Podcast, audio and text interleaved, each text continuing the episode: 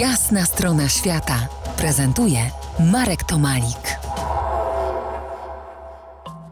Moim gościem Barbara Rosiek, etnograf i kustosz Muzeum Miejskim w Żywcu. W poprzedniej części naszego radiowego spotkania rozmawialiśmy o kolędowaniu. Pozostańmy w ruchu tej pielgrzymki. Powszechnie dzieci chodziły z gwiazdą, o tym mówiliśmy, z szopką.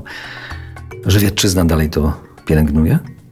No jest tego oczywiście mniej niż, niż było w przeszłości. Z różnych powodów, ponieważ ta pierwotna istota kolędowania, czyli ogłoszenia tej dobrej nowiny, ale przede wszystkim kreacji, gdzieś się zatarła. Dość powszechną formą jeszcze w czasie mojego dzieciństwa, pół wieku temu, właśnie było kolędowanie y, polegające na, na obchodzeniu z gwiazdą, z szopką poprzez dzieci, odśpiewaniu pieśni, otrzymaniu kolendy.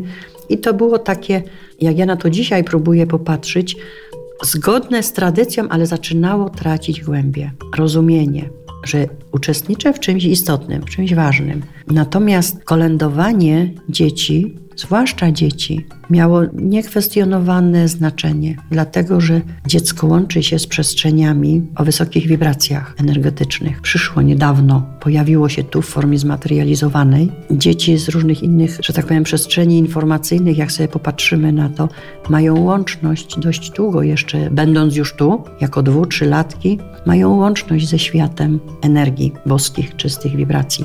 Więc przesłanie, które to dziecko przynosi, sama jego obecność ma dla nas najczystszy przekaz. My, dorośli kobiety, czekały w domu, dziewczęta na kolędników, młodzi mężczyźni chodzili po kolędzie, tam gdzie dziewczęta na wydaniu. Wymiar matrymonialny był tu bardzo mocny, e, wpisany właśnie w tradycję kolędowania, ale już jako dorośli nie mamy tej pierwociny czystości. Ale dorośli też mieli swoje e, występy i szopki kukiełkowe. Mieli. I co odgrywali w tych Ja nie mówię, tych, że, z tymi kukiełkami? Że nie.